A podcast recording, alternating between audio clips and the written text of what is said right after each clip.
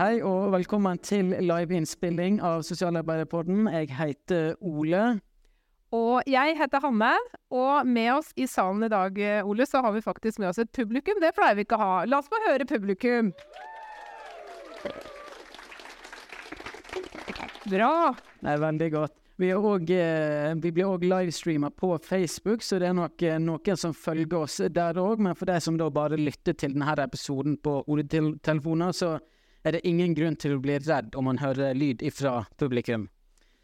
Men eh, Hanne, vi har eh, satt et viktig tema på dagsorden, nemlig fattigdomsutfordringen, som dessverre har vært økende i eh, Norge. Så har vi fått med oss flere interessante gjester som skal være med å belyse dette temaet på ulike måter. Og de skal vi introdusere som hver for seg etter hvert. Men aller først så er jo det her Hanne, et eh, tema som vi har jobba med over eh, flere år, og kanskje spesielt det siste året. Kan ikke du gi oss en liten sånn status på hvor vi står her nå? Jo, eh, vi kunne jo tenke oss at eh, Eller kanskje vi kunne håpe at det å ha en podkast om fattigdom i Norge skulle være helt unødvendig. Vi lever jo i kanskje verdens, et av verdens rikeste land og med en veldig solid velferdsstat. Men allikevel er det sånn at det er både voksne og barn som opplever eh, vedvarende lavinntekt, eller fattigdom, da, i Norge i dag. Eh, og hvorfor er det sånn, og ikke minst hva kan vi gjøre med det? Og dette er jo et sosialt problem. Er det noe vi sosialarbeidere er opptatt av og, og ønsker å bekjempe, så er det nettopp eh, sosiale problemer. Og FO har jo satt sosialpolitikk på dagsorden nå over en litt lengre periode. Eh, og vi ønsker å være en aktør og en, eh, en bidragsyter i forhold til å finne gode løsninger på eh, dette problemet. Og det har jo forsterka seg nå den siste perioden med dyrtid. Alt er blitt dyrere. Strøm og, og drivstoff og ja, levekostnader rent eh, generelt.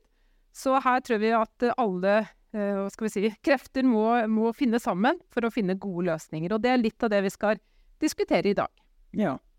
Og vi har, som jeg nevnte, eh, flere interessante gjester. Jeg skal eh, introdusere den første eh, for i dag. Eh, det er altså Kajsa Hansen Sukov. Eh, hun har skrevet boka 'Oss mot verden', en historie om å være fattig. Eh, Kajsa hun er kunstner, aktivist og jobber som fritidsleder i Kristiansand kommune. Eh, og hun ga altså ut eh, boka, som er en eh, sjølbiografisk beretning om det å være fattig i Norge. Eh, den boka kom ut i 2022, i desember 2022. Så velkommen til deg, Kajsa. Tusen takk. Eh, nå var jeg så vidt innom eh, hva som var liksom, tema for boka di, men kan ikke du gi oss en liten innføring i hva den historien du eh, fortalte i, i boka di, eh, hva den handler om? Mm. Um, jeg har gjort et forsøk på å sette ord på hvordan fattigdom er så mye mer enn å ha lite penger på konto, og hvordan, em, spesielt kanskje når man lever i fattigdom, at en ulykke kommer sjelden alene. Em, så har jeg prøvd å sette ord på det at man fra start, altså at jeg fra start har opplevd at jeg hadde en litt dårlig utdelt hånd med kort, og at en må bruke den hånda man har fått tildelt, og spille så godt man kan med den, på en måte, da. Um, jeg har forsøkt å sette ord på at uh, det man kanskje tenker på som en liten krise, kan oppleves som en enorm krise, som plutselig truer uh, utrolig store deler av livet. um, og at fattigdom er et en, en utfordring som farger alt du gjør i løpet av en dag, og er med deg til alle døgnets tider, da. Så du kommer aldri fri fra, fra fattigdom. Ja. Det er jo et eh, altså perspektivet i boka, det, det går jo det jo går over tid. Eh, men, eh, Mm. men hvis du skulle prøvd å Og det her har kanskje opplevdes ulikt, men hvis du skulle prøvd å forklare hvordan det fattigdom opplevdes for deg som barn, er det noe Går det an å svare på? Ja, altså Det første som på en måte dukker opp i hodet mitt, er at jeg har eh, frem til nylig mangla et språk til å sette ord på hva fattigdom er i Norge. Og det lærte jeg jo på mange måter via skolen, for det vi lærte på skolen at vi vokser opp i et av verdens mest likestilte og rike land, og så var min opplevelse noe annet enn det, da. Eh, og det gjorde jo at jeg etter hvert begynte å lete etter feil ved meg sjøl, for det var litt sånn hvis du er fattig i Norge, så så har du egentlig deg sjøl å skylde på en eller annen måte, da, for vi vokser jo opp i verdens mest likestilte land. Så jeg begynte jo å leite etter tegn og symptomer på at jeg var dum, eller at eh, Hvorfor jeg befant meg i den situasjonen, da. Eh, det er kjipt å tenke på nå, fordi jeg lette jo også etter på en måte tegn og symptomer på om det var noe galt med min egen mor. Eh, og oppdaga jo at det ikke var det. Eh, hun avvik veldig fra det jeg lærte om den fattige eh, av storsamfunnet, da. Hun var jo ikke dum eller lat, hun var veldig klok. Så eh, den her eh, opplevelsen av å være Altså hva fattigdom er for noe, eh, det har endra seg eh, over tid for din del, da? Ja, um, da jeg var liten, så forbandt jeg fattigdom med um, Vi hadde jo sånn OD-dag og vennskapsby. At det var på en måte fattigdom. Jeg visste åssen den så ut. Det var ofte eh, i Afrika. Eh, og utmagra barn, blikkhus og fluer rundt øynene og den type ting, som jeg syntes var helt forferdelig, og gjerne ville bidra til å gjøre noe med ved å steike vafler på Rema 1000 Torspedalen, liksom. Eh, men det føltes viktig. Eh, så har jo fattigdom etter hvert endra seg, hvordan jeg opplever fattigdom og forstår fattigdom, da. Mm. Ettersom jeg har blitt eldre. Ja. ja, for du fortalte meg, vi snakket sammen litt før eh, vi skulle på, så fortalte du meg at eh, eh, det var en annen opplevelse å eh, erfare det her som forelder, eller Ja. som voksen. Mm. Kan du si noe om det? Um, ja. Uh, når jeg ble ung voksen Jeg ble mor veldig tidlig. Det gjør alle i min familie. Mamma fikk med når hun var 19, og mormor fikk hun når hun var 19, og jeg fikk min datter når jeg var 19. Det er akkurat som vi har planlagt det. Det har vi ikke. Uh, men vi reproduserer tidlig i min familie. Um, da opplevde igjen uten å klare å poengtere dette og si dette med ord, så opplevde jeg at eh, jeg hadde en sånn lærdom med meg i ryggmargsrefleksen min fra jeg var liten, om at det lønner seg aldri å sette ord på at vi har lite penger. Det lønner seg aldri, uansett kontekst, å si at vi er fattige, fordi da er det veldig høy risiko for å bli stigmatisert da, og dømt på forhånd. Og jeg opplevde at fattigdom egentlig var helt synonymt forstått med å være en dårlig omsorgsperson, som var på en måte min største frykt å, å bli Det var derfor det var min største frykt, å bli gjennomskua som fattig, fordi at da ville folk også automatisk tenke at jeg var en dårlig omsorgsperson for dattera mi. Så gradvis gjennom oppveksten min, og spesielt eh, når jeg var relativt ung voksen, da, så opplevde jeg at det ble færre og færre tryggere folk rundt meg, og at de andre ble veldig mange. Eh, som gjorde at jeg på en eller annen måte kanskje til dels sjøl også plasserte meg i et sånt utenforskap, da. Eh, og dette hadde jeg ikke reflekterte tanker om, det var bare en følelse av kronisk angst. Eh, det føltes som jeg hadde en maurtue under huden hele tida, som jeg ikke liksom klarte helt å skjule. Ehm, ja, og så var det en følelse av liksom eh, ikke få sove. Hele tiden ha sånne lister i hodet, alt jeg måtte ordne, ting jeg måtte huske, si fra om, meldekort, snakke med den, søke på det. Um, og at det aldri gikk opp. Uansett hva jeg strøyk på budsjettet, og uansett hvor mange ganger jeg satte opp til det der dumme budsjettet, så gikk det aldri opp. Det var alltid for lite inn. Um, men jeg skjønte ikke heller da at eh, jeg var fattig. Nei. Nei. Men etter at du fikk egne barn, da, så var det et slags ans ekstra ansvar du kjente på da, som Mm. gjorde erfaringa mer belastende, eller? Ja, fordi min største motivasjon i livet var å gi dattera mi andre muligheter enn de jeg hadde hatt, og jeg ville ikke på noen omsten... Altså på noen Under noen omstendighet gi henne en følelse at hun var begrensa fordi jeg hadde lite penger. Det var på en måte mitt viktigste Min viktigste jobb i livet, da. Å skape en, flere muligheter for henne. Um, ja. Og så ser jeg i retrospekt uh, skjønte ikke det da, men at uh, jeg i liten grad var mentalt til stede i øyeblikket med henne, som er veldig sårt å tenke på nå, fordi det er tid jeg aldri får igjen. Eh, så jeg har vært mye oppi mitt eget hode og løst kriser når jeg egentlig skulle ha bygd sandslott mot på stranda, på en måte, og det har jeg ikke hatt kapasitet til, da, fordi at eh, omstendighetene mine har vært for utfordrende. Ja, ikke sant.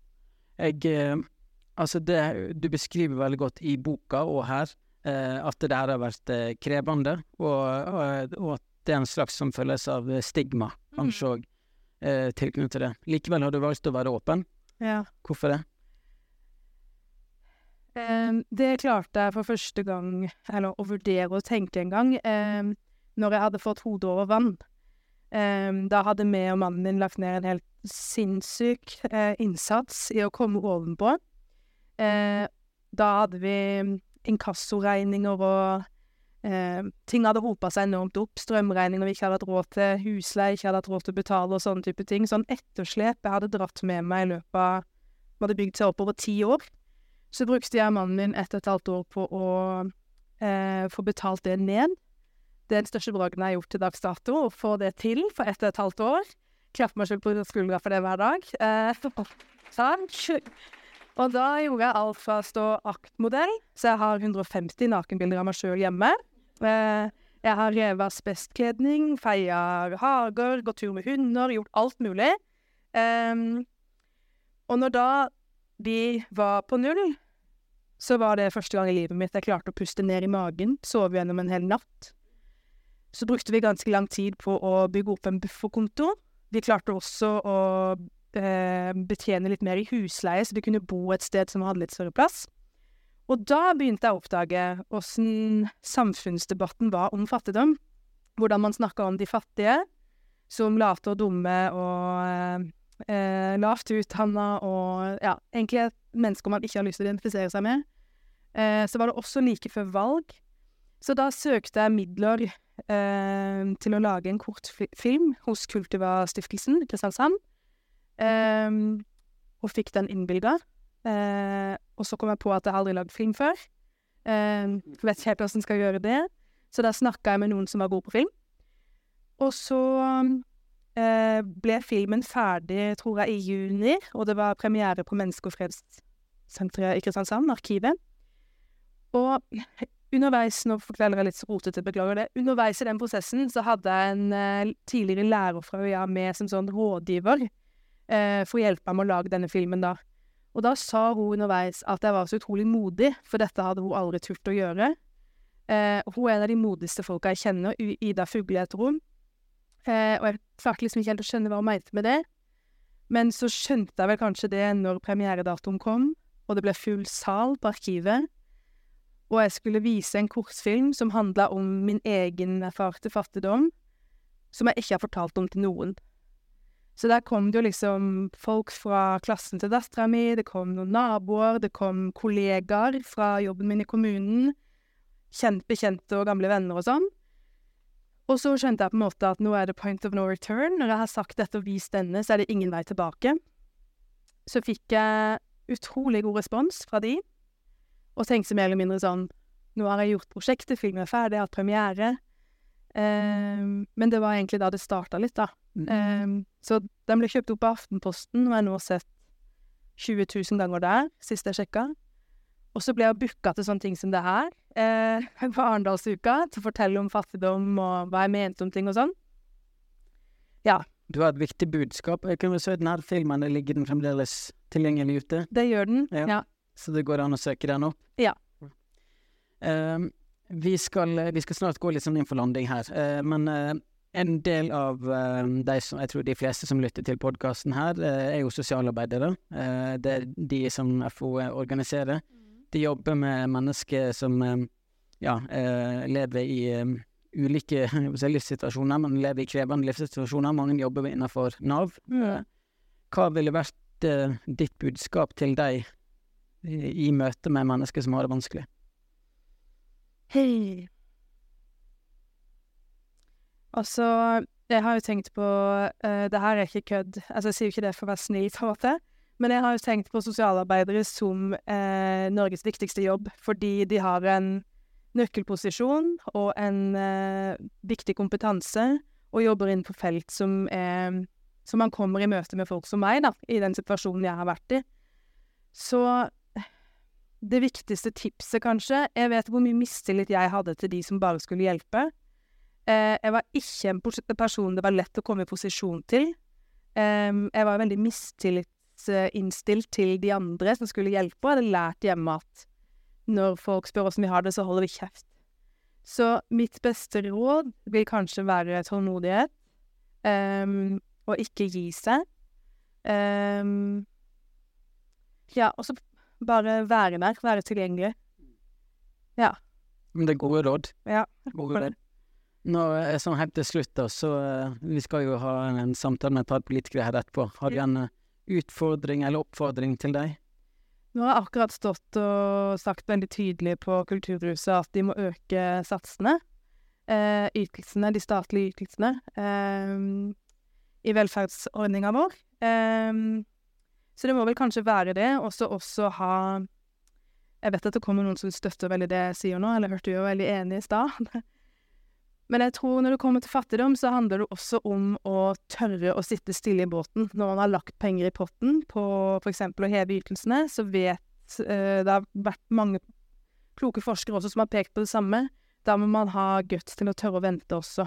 Um, det vi blir veldig fort uh, utålmodige og vil se effekten umiddelbart. Og fattigdom, det løses ikke umiddelbart, det løses over tid. Så det krever tid, og investering i tid. Mm. Ja. Og ikke minst penger, for guds skyld. Sette opp satsene. Mm. Tålmodighet er stikkord der. vel. Ja. Da um... Skal jeg sette meg? Ja, da skal jeg si tusen takk for praten, og så skal jeg overlate bordet til eh, Hanne, som skal få lov til å introdusere vår neste gjest. Men da skal jeg få lov til å ønske hjertelig velkommen til Mari Rege. Mari hun er eh, professor i samfunnsøkonomi, og så pleier jeg å si at du er sånn skapsosialarbeider, for du har et veldig godt sosialfaglig sinnelag. Det tar jeg som et stort kompliment. Ja. Ja. Så ønsk velkommen til Mari, folkens.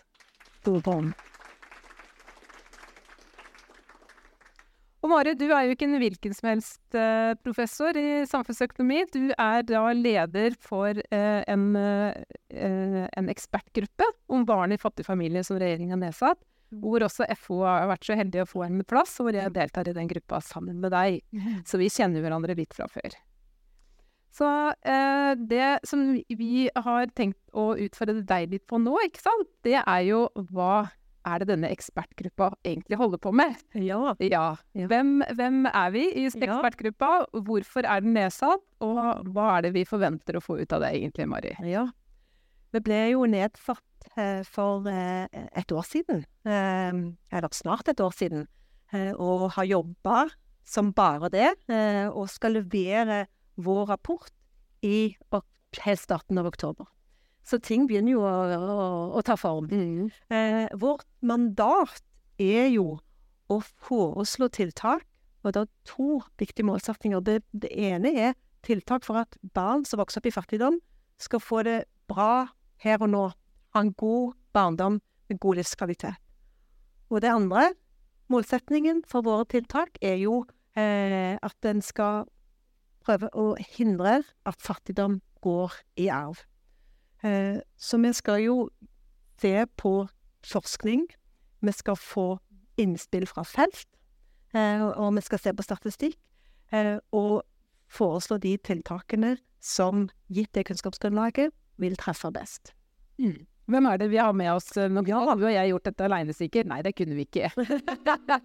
Hvem er det vi har med Ja, altså vi har jo, vi har jo eh, Blant forskerne så har vi jo, jeg vil påstå, de aller beste kapasitetene i Norge eh, på problemstillingen. Eh, skal jeg si navnene til disse? Ja, i hvert fall. Og faglig bakgrunn. Ja, altså, ja eh, så, så det er jo samfunnsøkonomer. Jeg er samfunnsøkonom. Og så er det i tillegg Kjell Gunnar Salvane som er professor på Handelshøyskolen, og, og Nina Drange, som er på Frischsenteret, som òg er samfunnsøkonomer. Og det handler jo eh, Altså, sam, samfunnsøkonomi er jo så mye. eh, men, eh, men det som disse jobber med, og inkludert meg sjøl òg, er jo tiltak eh, for å eh, investere i human, det vi kaller for humankapitalen. Sant? Læringen og utviklingen eh, til, til barna. Eh, så, det, så det er viktig, spesielt med tanke på at fattigdom går i arv. Og så har vi jo eh, to eh, psykologer, eh, utviklingspsykologer med oss. Det er jo Henrik Dahl Sakrisson, er professor i Oslo. Eh, han eh, er jo den eh, første eh, Han og hans kolleger blant de første i eller ikke blant de første, de første innenfor utdanningsforskning i Norge som har fått et Center of Excellence fra, for Forskningsrådet. Eh, og så har vi Tormod Bø, som òg er professor i psykologi fra Universitetet i Bergen. Men det er forskerne. Men det som òg er så flott, Eh, fordi jeg tror ikke det hadde så godt, vært så godt hvis de bare hadde satt oss i et rom alene. Eh, og derfor er det så bra at vi har deg med oss der i ekspertgruppen. Eh, og jeg eh, syns jo vi lærer så eh, mye eh, fra, fra de dialogene. Og så i tillegg så har vi Kjell Hugvik, som er kommunedirektør eh, i Bodø. Men som òg har lang erfaring òg i Nav og, og videre. Um, som òg bringer inn nye perspektiver. Mm. Uh, så sammen uh, så tror jeg uh, Eller så vet jeg at vi får til gode ting. For dette er jo et komplekst problem, altså fattigdomsutfordringer i Norge i dag. Kan ikke du si litt om hva, hva vet vi egentlig? Hva slags kunnskap er det vi har? Hvem er det som er fattig i Norge i dag, og hvorfor? hvorfor er det noen som er fattig, rett og slett? Ja. Eh, der er jo en, det er mangfold, det er en stor gruppe, og som du sier, det er komplekst. Men vi ser jo eh, at det er en, noen grupper som er overrepresenterte. Eh, eh, overrepresenterte. Og det er jo spesielt at en har svak eh, tilknytning til arbeidslivet av ulike årsaker. Eh, en ser òg eh, at, en i mindre grad har utdanning eller fullført videregående skole. Eh, vi ser det er mye eneforsørgere, eh, store barnefamilier. Og så ser vi jo òg eh, helt klart at eh, familier med innvandrerbakgrunn er overrepresentert. Eh, og det er jo òg viktig å ha med seg i politikkutformingen. Mm. Mm. Men eh, fordi det med innvandrerpopulasjon, da, for å si det ja. sånn, det er jo interessant. For det er jo kan ikke du si litt om åssen hvordan eh, si, fattigdommen har utvikla seg gjennom de siste ja, tiårene? Man ser jo, altså, når man ser på det mest brukte målet eh, for relativ fattigdom, eh, EU60, så ser en jo eh, en økning siden 2006, eh, som vi har gode statistikker fra, til nå, eh, til nå fra 7 av barn som vokser opp i fattige familier, og nå er det jo 11% som en, en betydelig økning. Og det betyr jo at eh, ikke Den velferdsutviklingen som vi har hatt i samfunnet, den er det bare noen som er med på, og så er det noen som ikke får være med på den. Forskjellene øker. Men så er det interessant, fordi at når vi deler opp, da, så ser en på familier som har innvandrerbakgrunn, og ser på andelen som er fattige der, over tid, så har det ligget veldig stabilt. Og det samme for familier eh, som ikke har innvandrerbakgrunn, så ligger det stabilt på rundt 6 eh, Liten økning eh, eh, på 1 prosentpoeng i løpet av den perioden. Men det, det betyr altså, Så kan du si ja, men hvorfor har vi da et økt økning i fattigdom? Eh, jo, da ser en jo at det er på grunn av økt antall innvandrere. Eh, og det er viktig for politikkutfordringen, fordi dette er jo mennesker som kommer til landet vårt og har sin bagasje med seg, eh, og trenger tid for å komme seg inn i arbeidslivet. De stønadene som de får, altså de økonomiske rammene som vi gir dem, de plasserer mange av dem i, i fattigdom. Eh, så, så, det er jo en, en, av forklaringene på mm. Eller det er en viktig forklaring på økning i fattigdom. Mm. Det er rett og slett en strukturell forklaring knytta til velferdsordningene på, på, mange måter, kan man si. Mm. Er det noe av det kunnskapsgrunnlaget som vi har eh, lagt på bordet så langt uh, i ekspertgruppas arbeid, som har overraska deg? Eller som du liksom, spesielt bitt deg merke i, eller? Eh, ja, altså jeg, jeg, tenker Altså, vi har jo i kapittel tre, da Fordi vi gjør, gjør vi en stor sammenstilling av der vi, der vi viser forskjellene da i hvordan eh, barn og unge har det, og hvordan de gjør det. Eh, og det, det er det, Selv om en har sett dette eh, i brudd, som brud, brudd, eh, bruddvis og delt, eh, så er det veldig sterkt å se denne sammensetningen. Sant? En ser at de eh, f.eks. opplever relasjonen til lærerne. Eh, de rapporterer at de opplever den mindre god eh, enn en barn som ikke vokser opp i fattigdom og relasjonen til medelevene mindre god enn andre. Så, så, altså sammen så, så, så, er det jo altså I utdanningsforskning det, det, det, det er vi veldig opptatt av Fordi relasjonen du føler til læreren, og relasjonen du føler til elevene, opplever med elevene, det er det som skaper opplevelsen av tilhørighet på skolen. Og det er helt avgjørende for å lære og utvikle deg og ville gå på skolen. Eh, eh, så, så, så, så derfor så, eh, så er dette viktige tall. Mm. Så, det, det, er jo et eksempel. Og så er det jo Så har vi jo òg fått veldig god data på delta, altså det, hvem som går i barnehage. og dette har vi sett før, men ikke, ikke så tydelig som vi ser nå.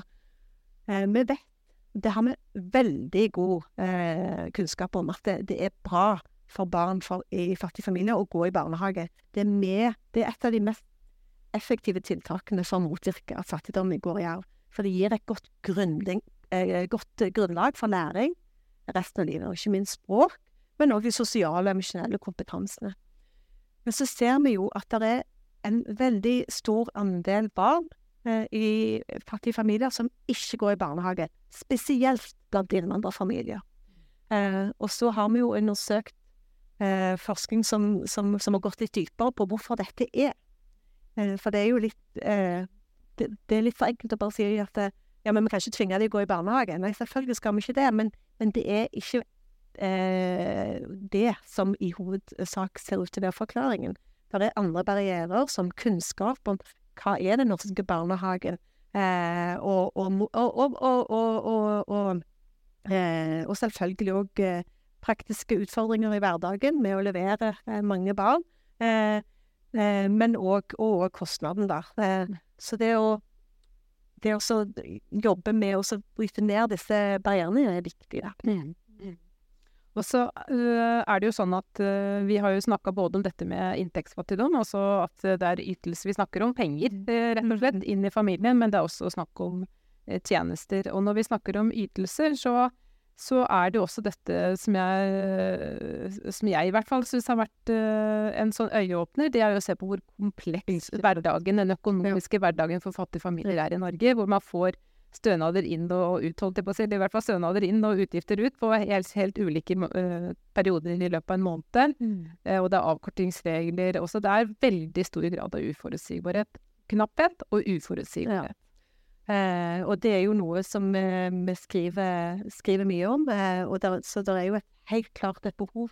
Altså systemet som skal hjelpe, det, det gir egentlig en ekstra belastning Eh, fordi at det er så Altså, pengene kommer eh, i hytt, for å si det sånn, som vi sier i Stavanger, i hytt og vær. Mm. Eh, du, du, du, vet ikke når de kommer. Eh, de kommer til forskjellige tidspunkter. Ofte varierer beløpet fra måned til måned, så det gjør det vanskelig å eh, planlegge. Og det er jo litt interessant. altså Nye mønstre ble jo snakket om eh, tidligere her, her, i dag. når det arbeidet starta, så ser en jo at en, en, en får økt bruk av stønader. Mm. Så sier en ja, men det, det, er jo gjerne ikke bra. Jo, faktisk, for det var et underforbruk sant, før dette prosjektet starta. Eh, så den, den kompleksiteten, eh, den, må, den, må, ned. Eh, så, det, eh, så, så, det har jo vi jobba med. Eh, og de konkrete tiltakene, de kan vi ikke komme med nå. Ja? For, det, for, det, er liksom det siste spørsmålet mitt til deg nå, ja. før vi skal avslutte vår del. Er ja, selvfølgelig om du kan røpe noe om retningen. Kan, kanskje vi kan ja, driste oss til det fordi, på de tiltakene. Fordi det er jo noe vi, vi, kom, vi, er veldig stolte av. At vi kommer til å komme med meget konkrete forslag til tiltak. Eh, men det, det, må vente til oktober. Eh, men, men, det som jeg kan si, at det, der, det, jeg tenker sånn, det er spesielt fire punkter jeg vil ta fram for, for, for retningen. Det er at vi ønsker å styrke styrke Altså vi kommer til å komme med konkrete tiltak for å styrke, forenkle, samt lage de økonomiske rammebetingelsene for fattige familier mer forutsigbare. Vi kommer òg til å komme med konkrete tiltak for å gjøre det universelle tjenesteapparatet enda bedre, både på å møte behovene til barn i fattige familier og deres foreldre. Og vi kommer til bryte tiltak for å bryte ned barrierer for at barn i fattige familier skal kunne gå i barnehage, og ikke minst bryte ned barrierer for at de skal kunne delta i organiserte fritidsaktiviteter. Eh, og det som er viktig, er at det vi har klart å balansere her, eh, er jo både det at eh, eh, en skal balansere arbeidslinja. Eh, en skal ikke bli Hvis en ønsker å forsøke seg i jobb, så skal en ikke bli straffa for det. Det skal være eh, eh, eh, eh, Det skal ikke være en, eh, den sterke avkortningen. Eh, og så skal vi òg eh, tatt Altså, det viktige for oss har jo vært å møte samfunnets ønske om at alle skal få delta i velferdsutviklingen, samt å hindre at fattigdom går i arv. Tusen takk skal du ha, Mari. Takk for at jeg fikk være med.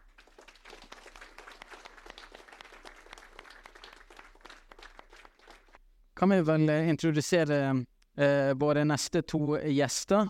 Eh, for det er jo vanskelig å diskutere dette temaet uten å sette det inn i en politisk eh, kontekst. Og vi har vært heldige å få med oss eh, to politikere. Eh, det er Thomas Norvoll, som er statssekretær i Arbeids- og inkluderingsdepartementet, kommer fra Arbeiderpartiet. Og så er det Freddy André Østegård, som er leder av arbeids- og sosialkomiteen på Stortinget representerer SV. Velkommen. Velkommen, ja. Takk.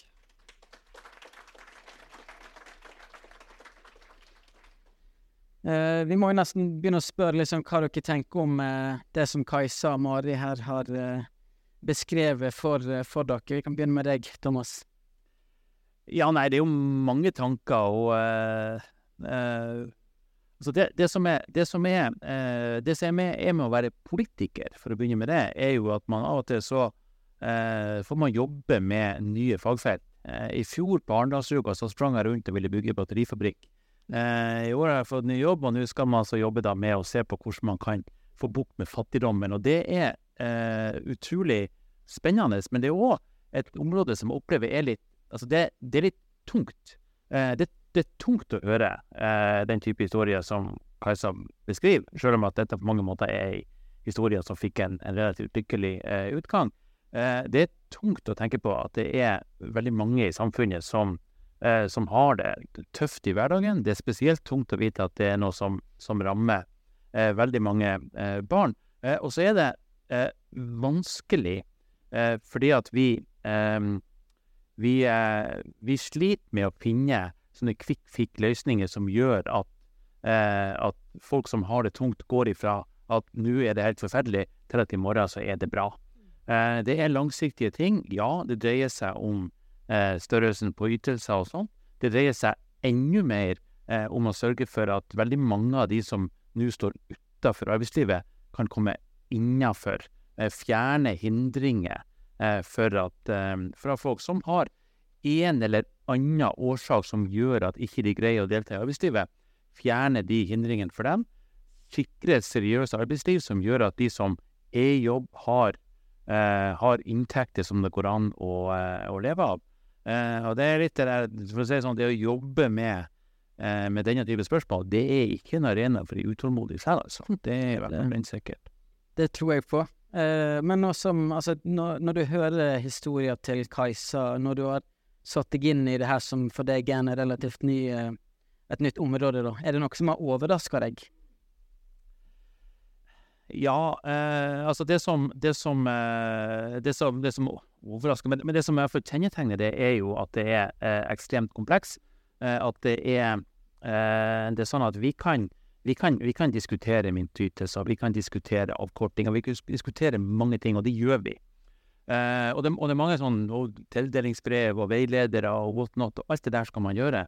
Men så koker det jo ned til at det er jo, dette er jo, dette er jo enkeltmennesker som hver har si historie, eh, og som måtte ha si historie for hvordan man er havna på et sted man ikke ønsker å være, og så dermed også må ha si historie på hvordan man skal komme seg ut eh, av det.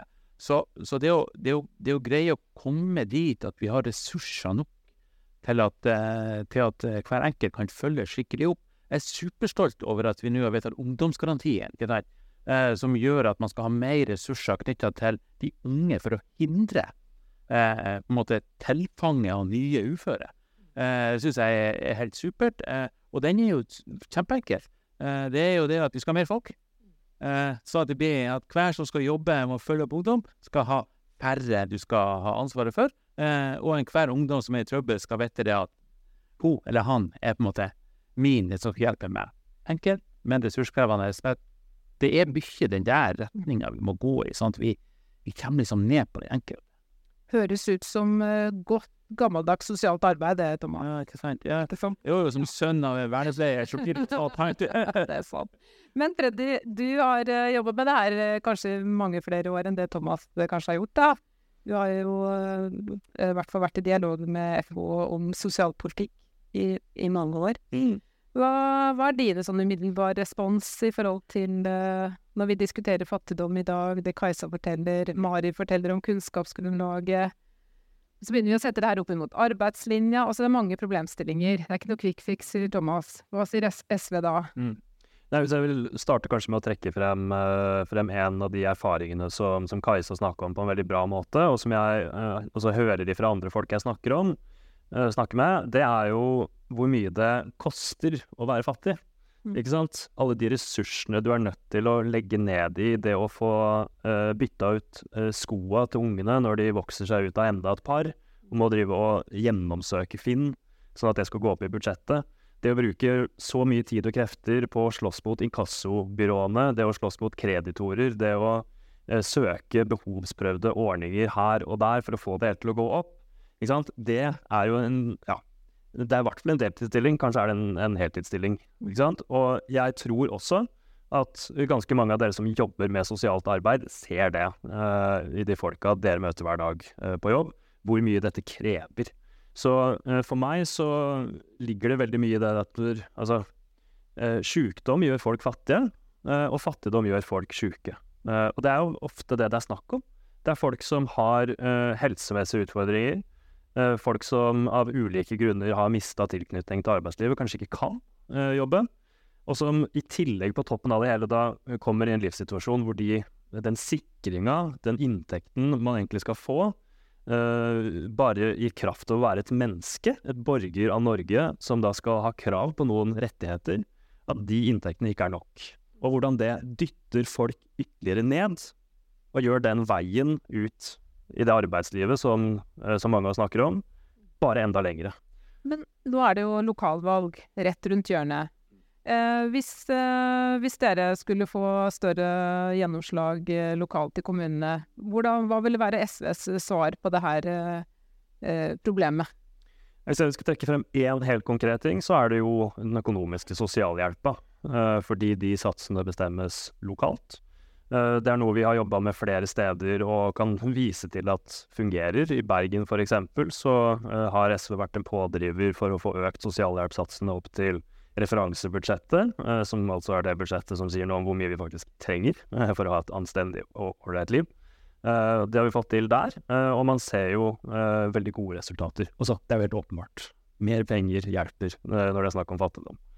Så eh, hvis jeg skal trekke frem én veldig konkret ting, så er det det. Og det vet jeg at SV kommunestyrekandidater rundt omkring er veldig opptatt av. Eh, og det er noe vi også backer fra, fra sentralt hold. Eh, når vi øker nå, sånn som vi gjorde i årets forhandling om revidert budsjett, de statlige satsene for sosialhjelpa med 10 så var vi selvfølgelig veldig glad for det, fordi der blir det et push fra sentralt ut om at de ytelsene må opp. De ligger langt under fattigdomsgrensa. De må opp. Men vi trenger også, i hvert fall inntil videre, å eh, velge inn lokalpolitikere som også tar den prioriteringa eh, lokalt, sånn som vi har gjort i f.eks. Bergen. Men eh, Thomas, du var inne på noen av disse Ja. Du var inne på noen av dilemmaene i, eh, på dette området, sant? Med arbeidslinja ytelser osv. Det er komplekst, det er helt sant. Det er det flere som, som vil eh, være enig med deg i. Men hvis du skal trekke fram, da, hva, hva er, det, er det viktigste grepet som kan bli gjort, ifølge SV peker på ytelsene? Hva sier Arbeiderpartiet? Ja, øh, nei, altså det, det, altså det er liksom åpenbart at alle må jo, man må jo ha sånn at man kan klare seg. Altså det tenker jeg er, tenker jeg er en, en, en, en liksom åpenbar ting, og, og sosialhjelpen er jo utformet sånn at den, den skal jo vurderes individuelt, så du skal jo få den hjelpa du trenger. Eh, og så vet vi jo ikke om det fungerer 100 eh, hele tida. Men for, for oss, når vi, når, vi snakker om arbeidslinja, bare si litt om det. For det, er ikke, det er ikke en religion. Og det er heller ikke en type tvangstrøye. Eh, poenget med arbeidslinja det er at vi skal ikke gi opp folk. Eh, det skal ikke være sånn at om noen har en eller annen ting som gjør at det er vanskelig å være i arbeidslivet, så skal vi gi dem opp og si nei, men greit, du trenger ikke. Vi trenger ikke det. Eh, arbeidslinja dreier seg om å ha den brua eh, inn til å, til å kunne komme i en situasjon hvor du forsørger seg sjøl. Og, eh, og for oss er det der ekstremt viktig. Og det dreier seg, som jeg sa, som jeg sa tidligere, om å fjerne hinder som gjør at, at ikke du kan, eh, kan være i jobb. Men det dreier seg spesielt om å ha et arbeidsliv som er seriøst, og som ikke utnytter de som er i en vanskelig situasjon, men som sikrer at, at alle som måtte, har jobb og har inntekt, har en inntekt og en situasjon som gjør at, at de får livet sitt til å, til å gå i hop. Og da jeg er veldig redd for den der når vi setter liksom arbeidslinja opp mot velferdslinja. Altså, jeg misliker sånne debatter intenst. Eh, for det er ikke motsetninger. Det er, det er to ting som må jobbe i lag. Flest mulig må, alle som kan, må ha en mulighet til å forsørge seg sjøl. De som ikke har en mulighet til å forsørge seg sjøl, det må være sånn eh, at vi er et samfunn som, som sørger for at man, eh, at man likevel har det OK. For det der, ja, det der må vi bare fortelle. Ja. Uh, det tror jeg er i hvert fall et felles ansvar. da. Helt klart. Og uh, da Hanne, jeg vet ikke Ja, vet du, Ja, ja, ja. Vi var har ikke mange er- spørsmål vi, vet du, på, Ja. på arket. Men eh, det var det vi rakk, eh, rett og slett. Så tusen takk til eh, Freddy og til Thomas. Ja, uh, Hanne, nå har vi fått eh, mange ulike perspektiv her. Eh, så hvis du da skal liksom runde av og sette oss inn i liksom en sånn faglig kontekst her, Ja, hva sitter du igjen med? ja, dette er jo, som jeg sa i stad, et veldig spennende, uh, veldig faglig relevant, men et veldig komplekst uh, landskap som vi beveger oss inn i. Men dette er midt i kjernen av det sosialt arbeid handler om. Det er midt i kjernen av det vi som sosialarbeidere skal holde på med. Og jeg har lyst til å minne dere på dette som Kajsa sa i stad.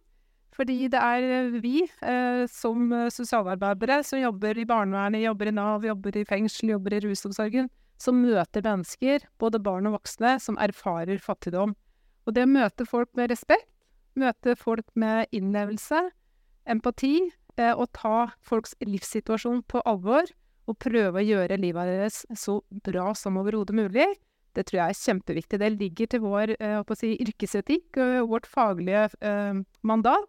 Og så, folkens, er dette i bunn og grunn et politisk spørsmål. Så ha dette i mente når dere nå går til valgurnene i eh, kommunene deres og skal velge lokalpolitikere. Hvem er det som setter fattigdom på dagsorden?